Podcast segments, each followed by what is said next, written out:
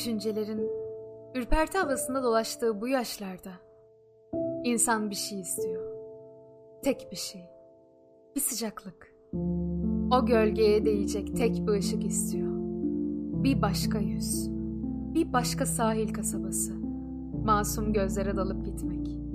İnsan gerçekten istediği şeyi elde edemediğinde, onun kadar değerli olmasa da, onun yerini tutabilecek bir şeylerin peşinden koşmayı isteyene engel olamıyor.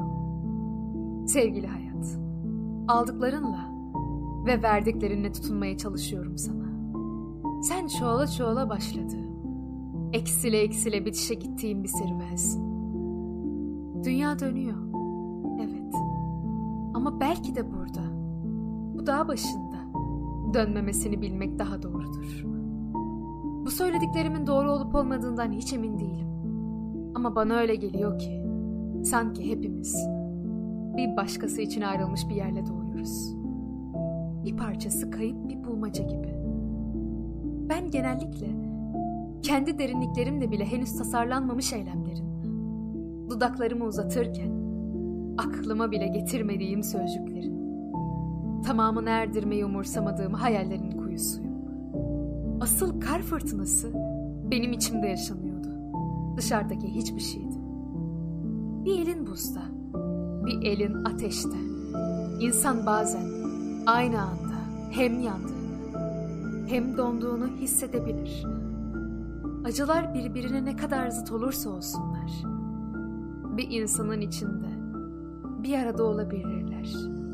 İnsan bazen yanarken donabilir. Güneş yakmıyorsa sizi, yağmur ıslatmıyorsa, rüzgar üşütmüyorsa, buna yaşamak denir miydi? Bazen verdiğini göremeyince insan kırılıyor. Ardından neden kırgınsın diye soruyorlar. Alınacak ne vardı da üzdün kendini? Çok takıyorsun diyerek yineliyorlar utanmadan. İnsan değer verdiği, sevdiği kişilere kırılırmış. Bilmez misiniz? Asla bir geleceğe sahip olmamış olduğum günlerden birindeyim. Karşımda yalnızca bir sıkıntı duvarıyla kuşatılmış, taş kesilmiş bir şimdi var. Irmağın karşı kıyısı, karşıda bulunduğuna göre asla bu taraftaki kıyı değil. Çektiğim acıların tek nedeni de bu. Çaresizlikten bir yudum su içmediyseniz, umudun ne demek olduğunu bilmezsiniz. Nice limanlara yanaşacak gemiler var elbette. Ama hiçbiri hayatını sıraf vermez olduğu limana varmayacak. Her şeyi unutabileceğimiz bir rıhtım da yok. Üstünden çok zaman geçti bunların.